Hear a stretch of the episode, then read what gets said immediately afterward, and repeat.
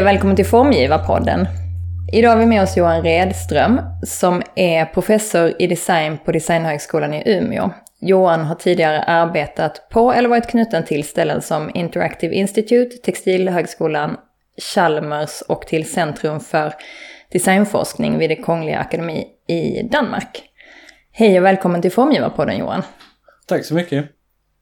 Um, ja, vi har ju inte med dig här i rummet utan du är ju med på länk. Ska bara säga. Ja. Precis. Jo, men Johan, eh, vad skulle du säga, alltså vad innefattar begreppet design för dig? Ja, det där är en riktigt eh, intressant fråga. Det är som man verkligen aldrig kan tröttna på. Man som på något sätt aldrig riktigt hittar hem i. Men, nej, men det är så här. Om man, om man tänker sig designbegreppet så om, jag ska, om man försöker förklara det för någon som inte håller på med design så får man ganska, tycker jag, ganska ofta problem med att säga att jo men alltså det här är ett exempel på design och det här är ett exempel på design. Och så får man fråga tillbaka, aha, så det är det här då? Nej, inte riktigt. Utan det är snarare så här. Mm. Eh, och det gör att det känns lite grann, att, för, att förklara vad design är för någon är lite grann som att förklara vad ett spel är. Jag säger att det kan se ut som schack, det kan se ut som fotboll, det kan se ut som olympiska spelen och de är ju nästan, finns ju nästan inga likheter mellan de där.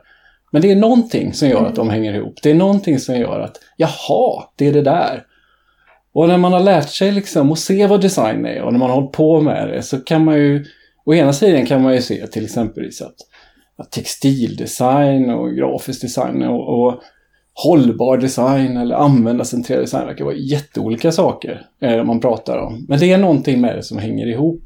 Så jag tänker att designbegreppet kanske är, det är ett sånt här familjebegrepp som som kanske inte liksom betyder entydigt en sak egentligen, utan det är, en samling för grejer som vi identifierar och som när vi ser det ser väldigt tydligt att det är det. Men som ibland är väldigt svårt att liksom, ja, förklara precis exakt. Ja, och sen tänker jag att det har ju blivit lite mer komplicerat med den utveckling, alltså den digitala utvecklingen som har skett. För då finns det ju UX-designer och det är ytterligare en sak. Och det finns arkitekter och då är det liksom inte en arkitekt som ritar hus utan en arkitekt som bygger system. Så det har ju, eh, liksom begreppet i sig har ju blivit mer tvetydigt, tycker jag. Vad ja. design innefattar. Ja, verkligen. Och, det, och, då, och om man tänker sig då som, som jag att, att det är lite grann ett sånt här begrepp som, ja men som spel till exempel, så är det så är det ju inte så konstigt att det, att det hela tiden läggs till nya saker till det. Och en del av det är väldigt annorlunda än det som var innan. Um, och mm. Som till exempel om vi tar datorspel till exempel så är det helt olika än liksom lekar som man leker fysiskt med kroppen till exempel. Um, men och att designområdet är, lite, är ju lite likt också. Och så finns det ju vissa saker som man tar med sig inom nya områden. Om man tar UX-design eller interaktionsdesign eller jämförelse med till exempel klassisk eh, formgivning i produktdesign så är det ju väldigt mycket som är olika men det är också ganska mycket som, eh, som är gemensamt i det att man, man sätter en, en, en tänkt användarupplevelse i centrum. Man är väldigt fokuserad på en helhet snarare än varje enskild del för sig. Och väldigt mån om att, att, att liksom den, den gestaltade helheten är, är rätt och, och funktionell och så. Ja. Mm. Men det är väldigt, det är ju klart ja, att det blir ju nästan nödvändigt att säga att, att det är väldigt svårt att säga till exempel, ja, jag håller på med design, det blir lite som att säga att jag håller på med, med, med en sport eller vad som man, då får man säga, jaha, vilken då då? Eller vilken sort eller? Mm. Men det, är, det som jag tänker mycket på är att i och med att eh, designbegreppet är så stort och som utövare så är det svårt att faktiskt hitta ord som specificerar på ett sätt så att det också är förståeligt för andra som inte kanske har så mycket insyn i designbranschen.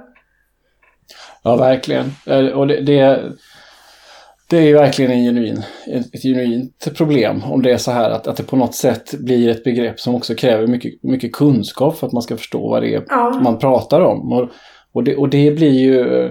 Och då blir det ju också ett sätt liksom för, för eh, Alltså i många fall så kommer man ju råka ut för att det stoppas in saker i det här begreppet som man inte tycker riktigt ska mm. vara eh, och då är det dessutom så att redan inom, inom liksom designområdet så håller vi ju inte med varandra om vad design är för något. Jag tror att om vi skulle Precis. Om, om vi tre skulle sätta oss ner och bestämma vad design är och till exempel hur ska man, hur ska man bedriva utbildning i designområdet. Till exempel, så skulle vi säkert hålla med varandra om många, många saker. Men vi skulle också finna saker där vi tycker olika. Och det, det är på något sätt det som också gör ämnesområdet så härligt att jobba med tycker jag. Det är ju att i så många fall liksom, så går, går nästan allting ut på att man ska tycka lika och det, det ska liksom bli ja. så här standardiserat och, och, vi ska veta så att vi inte behöver liksom frågasätta mer. Men, men designområdet är på något sätt i grunden öppet för att man kan tycka olika. Det, det är bra ja, att tycka är... olika. Liksom. Ja, och jag tänker på, alltså hela designprocessen går ju ut på att det finns ganska mycket svar som är rätt. Alltså det finns olika svar som är rätt. Ja. Det finns inte bara en lösning. Eh, så. Och då kan man väl säga att det... Hela design. Ja, men precis. Och då, och då kan man väl säga att det är väl inte så konstigt att begreppet beter sig på samma sätt då. Att, att det också är öppet för olika alternativ och tolkningar och att en del tycker att det här är vad det ska vara och andra tycker något annat och sådär. Um, men varför är det viktigt att forska i design då? Och hur kom det sig att du själv blev designforskare? Ja, alltså jag tycker att varför det... Ja, det finns, det finns många sätt att svara på den frågan. Det är en, en, en, den har ju många lager. Om vi, om vi börjar med varför det är viktigt då. Rent allmänt så kan jag säga vad jag tycker sen. Men så, så kan man väl... Alltså den diskussionen vi hade precis är väl kanske en bra början då. att Det här med design kan vara så många olika saker. Och då är det ju... Då blir ju, uppstår ju frågan så här, ja men om det nu kan vara så många olika saker. Vilka sätt har vi tänkt på? Vilka har vi inte tänkt på? Vad skulle vi kunna hitta på för grejer som vi inte har gjort än? Och då kommer den här idén om, eller frågan om att, att design också är beroende av att skapa ny kunskap för sitt område. Att man utvecklas, man provar nya saker och så. Och då finns det ju, finns ju en del då som tänker att det här med forskning är ju liksom svaret på den frågan. Det är där man producerar ny kunskap. Eh, och därför behöver vi hålla på med forskning också inom designområdet för att just design behöver också ny kunskap. Jag tänker kanske inte riktigt så. Utan jag tänker kanske snarare att vi lär ju oss saker genom design, vad vi än håller på med det. Om vi håller på med det liksom som konstnärliga experiment eller en konstnärlig praktik så lär vi oss vissa saker. Det finns vissa saker vi kan göra. Jobbar vi professionellt så är det andra grejer. Inte alltid nödvändigtvis samma i alla fall som när vi håller på med konstnärlig verksamhet. Men vi lär oss fortfarande massa grejer. Och forskning är ytterligare ett område där vi kan lära oss saker. Och det är eftersom det är ett område som har blivit tillgängligt för design och för konstnärliga områden under de senaste 10-20 åren i allt större utsträckning. Så känns det lite grann som att ja, men om, om det nu finns den möjligheten, då ska vi ju använda den. Eh, för det är ju trots allt så att man lär sig liksom olika saker på olika sätt. Då. Och det som är intressant med forskning, det är ju att det är ett annat system för eller ett annat sammanhang för att dela kunskap och för att utvärdera vad folk har kommit fram till och pröva idéer på andra och så. Eh, och det är en arena för det, en plattform för det och en internationell gemenskap kring det som, som, som har liksom speciella kvaliteter med granskning, med, med transparens och, och sådana här grejer. Finansiering inte minst. Och det gör att jag tycker att, att oavsett vad man tycker om att eh, huruvida designpraktik till exempel ska vara beroende av att det finns framforskad kunskap i botten eller inte. Ehm, det tycker jag kan vara en öppen fråga eh, som man är värd att debattera. Men vad som jag tycker är ganska klart är i alla fall att forskningen är en sådan, det är så, en så viktig plattform i, liksom, i samhället, i det akademiska systemet, i högre utbildning att, att man som att vi inom designområdet absolut ska ta vara på den. Så det, det, Därför tycker jag att man ska ägna sig åt designforskning. Det är helt enkelt en för, för bra möjlighet för att man ska låta bli. Mm. Eh, och, och, du är en av handledarna eh, för projektet eh, DCOD som är en EU-finansierad internationell forskarskola som handlar om att utforska och experimentera med nya designpraktiker då i ljuset av digitaliseringen. Mm. Kan du berätta lite om det projektet och liksom vem det är till för och så vidare? Ja, det kan jag göra. Alltså Decode är, är ju en så kallad internet... Jaha, Decode? Ja. Var det så man uttalade? Jag trodde det var liksom en förkortning på... Ja, men det är en förkortning. Jo, i alla fall. Ja. Decode är, är ju en så kallad International Training Network. Det är en internationell forskarskola. Så vi är sex institutioner med tillsammans 15 doktorander över, spridda över Europa. Och ursprunget eller bakgrunden till Decode var att vi var några stycken som, på olika universitet som, som funderade lite grann på, men om man skulle göra en ny typ av designutbildning som, som på något sätt tar itu med den här väldigt expanderade designfältet. Att man ser att det är inte bara tvärdisciplinärt utan nästan postdisciplinärt i det hur saker mixas hit och dit. Och också att det spänner liksom från det här med det enskilda mötet med, med liksom en tjänst eller en teknologi, det här med det man har framför sig, en etthet så att säga, till att det handlar om, om policy och lagstiftning och liksom väldigt samhällsövergripande ramverk och så. Alltså hur ska vi hantera det där? Hur, ska, hur kan, man, kan man bedriva liksom designutbildning som, som för det problemfältet på, på ett annat sätt än vi har gjort hittills? Och då började vi skissa på lite idéer.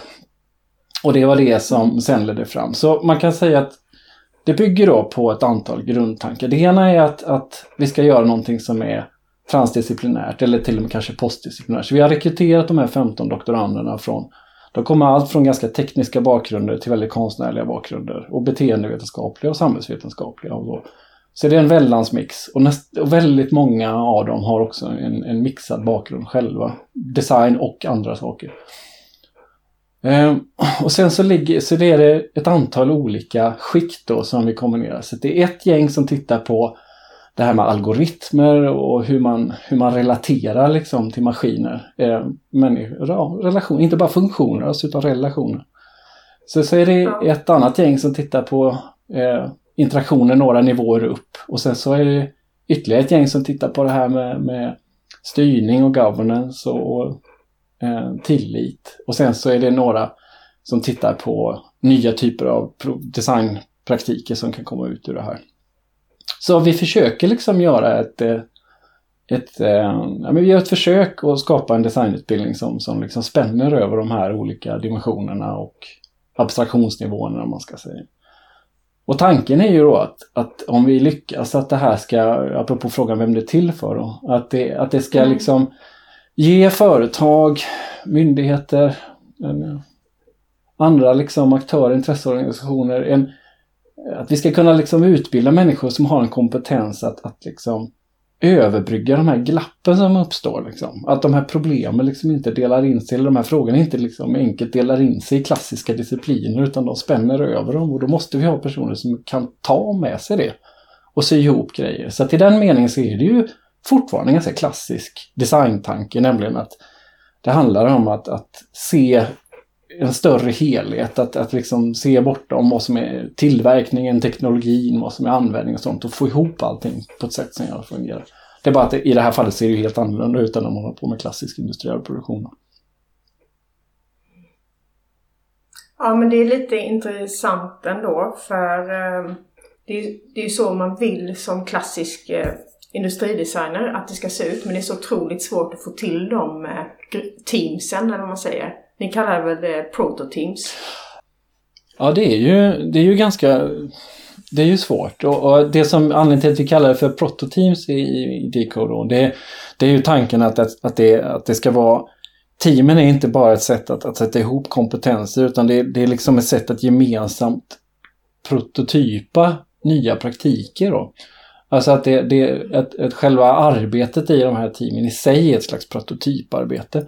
Men om vi går tillbaka till den här frågan om, om, de här, om, om team och så, så är det ju och, och hur man som designer eller industridesigner, vilken roll man kan få och inte. Och det, det här är ju liksom en, en av de stora utmaningarna och det har ju liksom, det har dels med team att göra, det har med kompetens att göra, men det har också med metodik och designprocesser och sånt att göra. Och det är att de här de här klassiska design, alltså utvecklingsprocesserna och så, de är optimerade ja. utifrån hur en industriell produktion fungerar. Och, det, och då är det liksom, man har, det är ofta ganska långa utvecklingstider. Och man, först gör man det här, sen gör man det här, sen gör man det här och sen producerar man och så vidare. Och då är liksom designen med i den här delen och de här med den här delen. Och så, så har man strukturerat allting och sådär. Och så tar man många av de här nya eh, områdena som vi håller på, antingen det har med, med, med, med tjänstesektorn och, och liksom hur, hur, vi arbetar med välfärden eller med den typen av problematik eller digitala lösningar, eh, digitala produktionsformer och sådär. Det beter ju sig inte så, utan det är ständigt pågående. Det liksom blir ju aldrig någon lång utveckling och sen en produktion. Utan det är ju liksom kontinuerlig loop. Liksom. Och, det där, och då omorganiserar sig företag i stor utsträckning och man jobbar liksom på, på andra sätt och sådär. Och, och här är ju en fråga, tycker jag, naturligtvis kan man ju som designer ingå i de här tvärdisciplinära teamen och, och, och kanske också, liksom, det finns ju vissa företag som har lyft designkompetensen ända uppe på ledningsnivå och, så att man har liksom det där också. Men det är också någonting i det som håller på att hända eller redan har hänt här som kanske föranleder, alltså, som, för att tänka lite djupare på hur vi egentligen organiserar ja. oss och med disciplinärt liksom. Och vad är det egentligen för roll och roller som man som designer kan spela och är det verkligen, eh, på vilket sätt skiljer det sig från hur vi har jobbat innan till exempel? Sånt vill vi undersöka här också. Ja, och det är väldigt eh, spännande för det är ju eh, som du säger verkligen ett skifte på gång på grund av den tiden vi lever i nu med den digitaliseringen. Men hur man också kan föra in, tänker jag, det eh, klassiska taktila i ett mer systemtänk. Eh, eh, där, och det är inte alla formgivare som har en klassisk bakgrund som är intresserade av det. Men det finns ju ett gäng och där är det någon form av vad ska man säga, ett, ett glapp som inte går att överbrygga riktigt. Upplever jag. Ja, det alltså... eller vad? Alltså går och går. Det är i alla fall en utmaning och en ganska stor sådan. Men, men jag tror att om man, om man tittar liksom på, på, på hur designområdet har utvecklats sedan det en gång uppstod där i tidig industrialisering och så, så har vi ju har det stått inför sådana här utmaningar många, många gånger.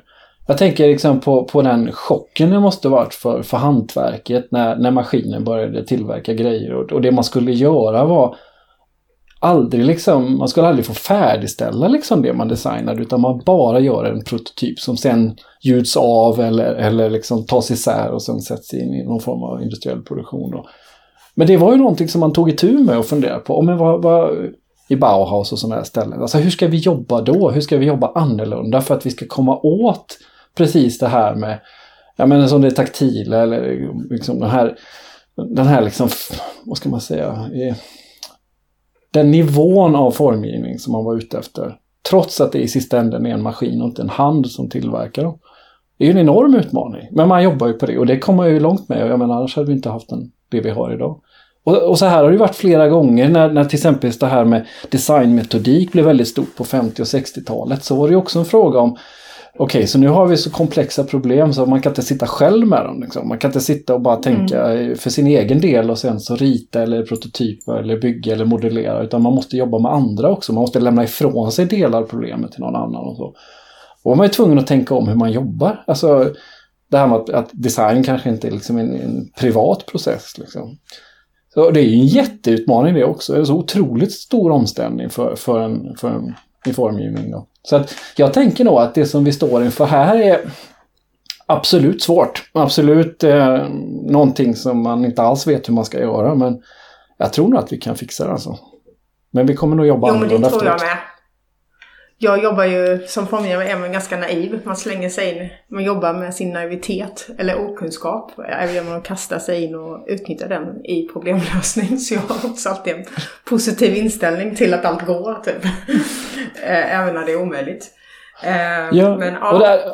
Och där, där, bara, apropå det du sa just där, så vill jag bara knyta tillbaka till det jag försökte säga om, om forskning förut och varför man håller på med designforskning. Och det är ju det här är ju precis en av sakerna. Varför säger man okunskap och när säger man kunskap? Och vad är det man egentligen pekar på eller pratar om? Då? Och jag tror att det finns, där ska man vara väldigt ödmjuk och öppen inför vad det är det handlar om. För att det är naturligtvis så att det är inte bara din okunskap som det handlar om där, utan framförallt handlar det om din kunskap. Eh, ja men det är det man kallar, eller skulle jag säga intuitionen. Och det handlar ju om en erfarenhet för att man kanske ja. har jobbat från ett projekt från idé till slut ganska många gånger. Så då kan man gå, då är man trygg med att även om inte jag exakt vet svaret här så kommer jag hitta fram till det. Absolut. Och det är det vi är utbildade till. Men det är inte så att man har um, det finns liksom inget facit uh, och då finns det liksom ingen tydlig kunskap innan man nått fram för den letar man på vägen. Och då är det att man är duktig på att researcha för att hitta eh, olika vägar framåt, tror jag. Absolut. Och det är väl det egentligen som man, alltså om man pratar om design med, alltså, eller så här, begreppet design som är så brett som vi pratade om först. Att det som eh, sammanlänkar de flesta formgivare eller designers är ju att man har den processen och att man vågar lita på processen och att den kommer leda fram. Att det är liksom, oavsett vilken, ehm, vilken genre man jobbar i så har man en liknande anfallsvinkel. Att det kanske snarare är det som sammanlänkar olika designers. Ja, och sen så tycker jag ju att eh, Eh, ja, man får ju vara försiktig med att säga att man har okunskap, för det är det ju inte. Men samtidigt så eh, det är ju ganska få människor som har all den kunskapen. Alltså om man är öppen med att man måste leta kunskap för att kunna lösa någonting för de flesta. Även om du är jättebra på ditt jobb så vet du ju bara ett sätt kanske hur du, alltså med erfarenheten. Eh, och att eh, det är något positivt om man kan erkänna att man inte vet allt utan att man försöker hitta fram till rätt svar istället. Eller hitta fram till någon form av lösning. Eh, istället för att säga att man vet. För det är ju ingen som gör egentligen. Tycker jag. Nej, nej jag, jag håller helt med. Och jag, och jag, jag kan tycka att, jag kan tycka att det, det är nästan liksom det är nästan det mest centrala draget i, i design som, som, som praktik. Det, det är det här med att att i grunden så handlar det om att leva med en fundamental osäkerhet och inte betrakta det som ett problem. Liksom. Utan att det, det är ju liksom ja, nästan en grundförutsättning för att man ska kunna fungera som designer. Om man, om man liksom om man försöker ha ta bort den här osäkerheten och, och liksom göra allting förutsägbart och, och liksom välordnat och sådär. Det, det, är nästan det bästa sättet som finns att ta död på en designprocess. Alltså det, det, så kan man ju inte ha det, utan det, det, det är ett sätt att leva med osäkerhet här. Ja, men eh. ett experimentellt och ett utforskande. Ja, men verkligen. blir det ju. Ja. Men det, jag tänker på Då. det här så tror jag att en, en sak som man skulle kunna fundera på, eller som, eh, som jag, ja. jag funderar på då, apropå så, så är det ju så här, om man tänker sig precis det du sa nu, det här med att man, man har det här utforskandet, man söker den här kunskapen och man, man, man tänker sig att man har inte liksom en, en, en lösning utan man har ett sätt att förhålla sig till en process och till världen som gör att man hittar dem efterhand och så. Om man tänker sig att man, tänk, man tar det och så tar man ytterligare något steg tillbaka när man tar någon del av designpraktiken eller designprocessen som man normalt sett inte tänker på. Normalt sett så tänker man att ja, men det här har jag koll på så då gör jag som jag brukar. Och så funderar jag på vad händer om man gör samma typ av undersökande där? Och då ja. börjar man ju se andra saker. Som till exempel då om man tittar på det som har hänt innan historiskt. Så om man tittar på det här med att man går från till exempel att jobba själv till att jobba med andra. Man går från att jobba med andra designers till att jobba med människor som har alla möjliga olika typer av kompetenser och så vidare. Och så vidare. Alltså man tar något steg bakåt och öppnar designprocessen på något sätt som den inte har varit öppen på innan. Då brukar man också, vad det verkar i alla fall, emellanåt hitta sätt att hantera ännu mer osäkerhet, ännu mer komplexitet på ett sätt som man inte har gjort innan. Och jag tror apropå där vi börjar med den här frågan, att hur ska man då göra för att möta de här nya utmaningarna? Så tror jag att den typen av arbete Antingen man gör det som forskning som jag gör det eller man gör det liksom i en professionell praktik eller liksom på annat sätt. Så tror jag att den typen av undersökningar kommer att bli väldigt viktiga nu. Att, att man tar de här ja, ytterligare det... några steg bakåt och funderar på. Men om design inte var precis så här, vad kunde det vara då? Men det är ju 100 procent. Det, det, eh, och jag är så med det där. Det jag menar är att liksom, hur ska man få till så att de här människorna möts och att man främjar sådana här processer. Där olika människor med olika discipliner från start sätts ihop för att titta eller överse någonting och komma med andra perspektiv exempelvis. För det känns som att det är det jag menar, det känns som att det är där det finns ett jättestort gap som liksom samhället har inte riktigt hängt med kring att det också är design men att designen själv kan inte lösa någonting utan man måste sättas i ett team med andra med andra bakgrunder och det är då det kan hända jättemycket spännande saker. Ja, har du svar på det Johan? ja, nej men alltså jag, jag, jag, svar, jo, jag har några svar faktiskt. Jag har ett svar är att det här är en av, ett av skälen till att vi ska använda designforskningen. För där finns det förutsättningar, inte minst finansiella möjligheter att iscensätta den här typen av projekt på ett sätt som är väldigt svårt i många andra sammanhang. Eh, och det, det är nog, det är absolut svårt att få, få forskningsfinansiering till, till tvärdisciplinära projekt också. Och det är absolut eh, inte lätt, alltså det är inte det jag menar. Men det går. Jag menar Decode är ett exempel på att det faktiskt går. Där är vi, det mm. projektet Decode är finansierat inom eh, humaniora och samhällsvetenskap i, eh, i det här stora EU-ramverket och inte inom teknik till exempel. Så mm. den, det är ju en, en plattform. Och det andra jag tror att man kan göra, och, och som, som jag tycker att eh, jag menar som det här samtalet det är väl egentligen ett alldeles utmärkt exempel på. Det är att man, man tar initiativ och, och träffas även om kanske inte möjligheten är att man bedriver stora projekt tillsammans. Så kan man ändå liksom mötas, prata om det, få idéer och idéer, en del av de idéerna kan komma vidare och bli liksom små pilotprojekt. För det är, det någonting man kan lära sig från design, alltså designområdet också när det gäller det här. Det är vilken otrolig betydelse exempel kan få. Så att kan man göra små pilotprojekt där någonting kan komma ut som man kan visa. Ja, men jag förstår att det här är svårt att förstå liksom och det är abstrakt och så här, Men titta på det här exemplet. Titta nu, det här gjorde vi, så här gjorde vi, det här kom ut. Då får man någonting att relatera mm. till.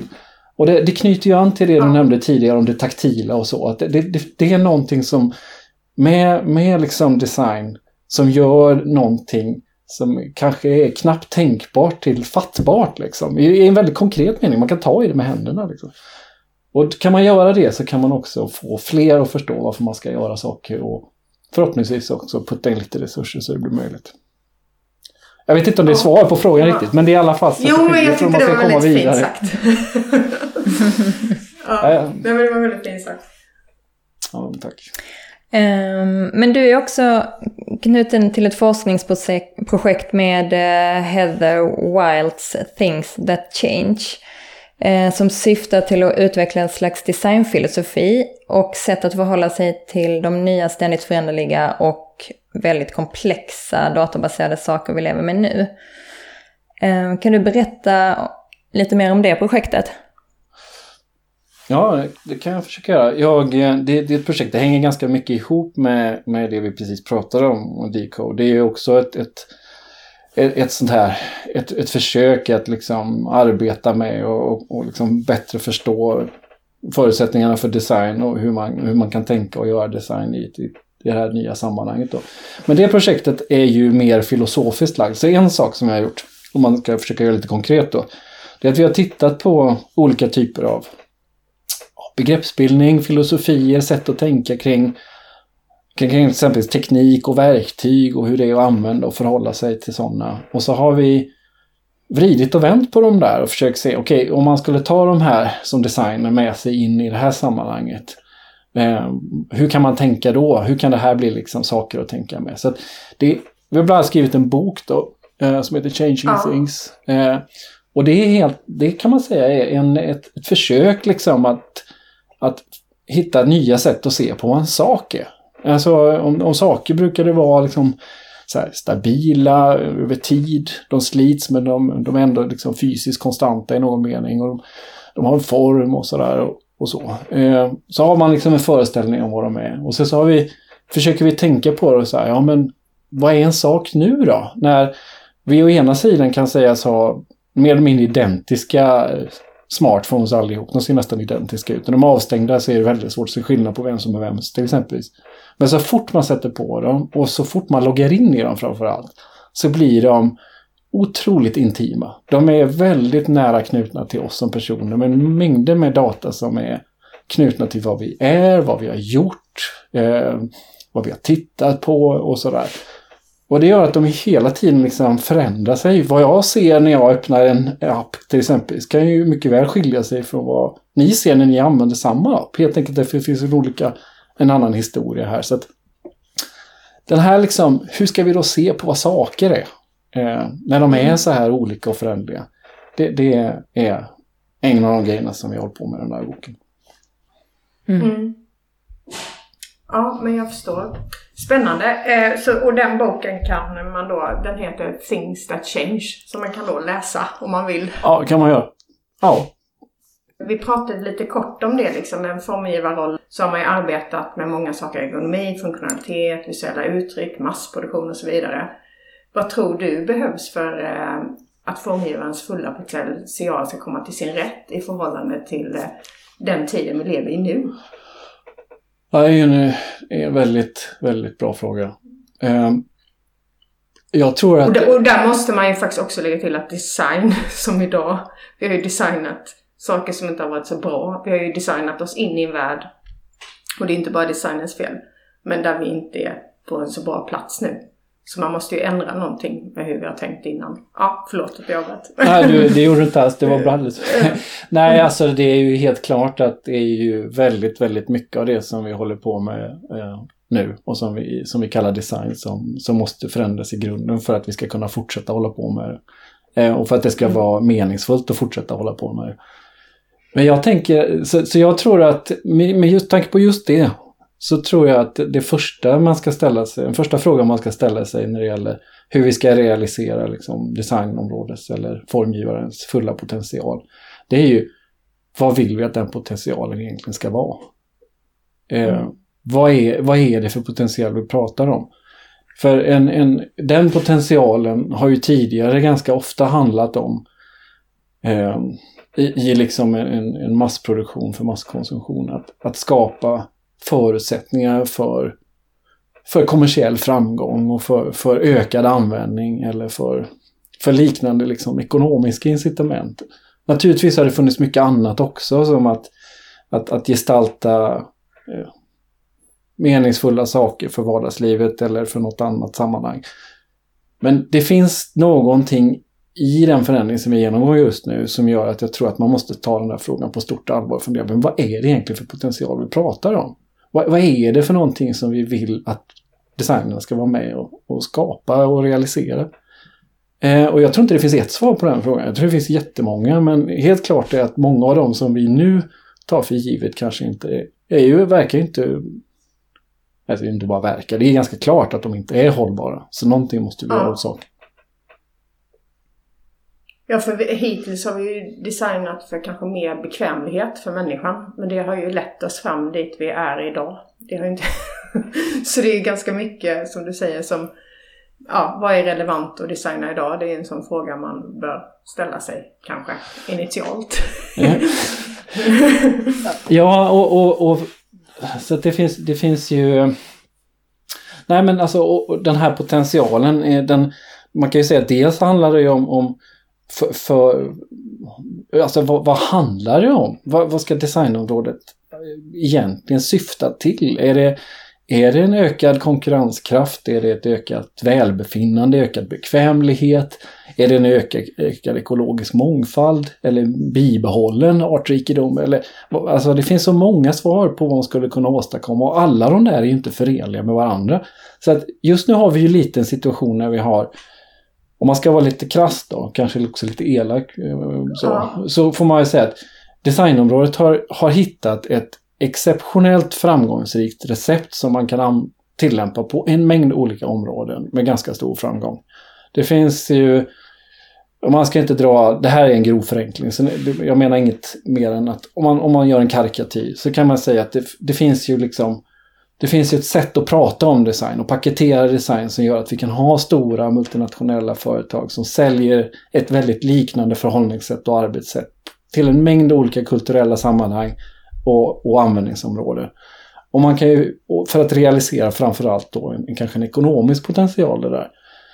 Och det, det, finns ju många, finns ju mycket nytta och fördelar med det, inte minst för, för de som gynnas av det. Men i ett större perspektiv så får man nog fundera på liksom, men vad är det egentligen design syftar till då?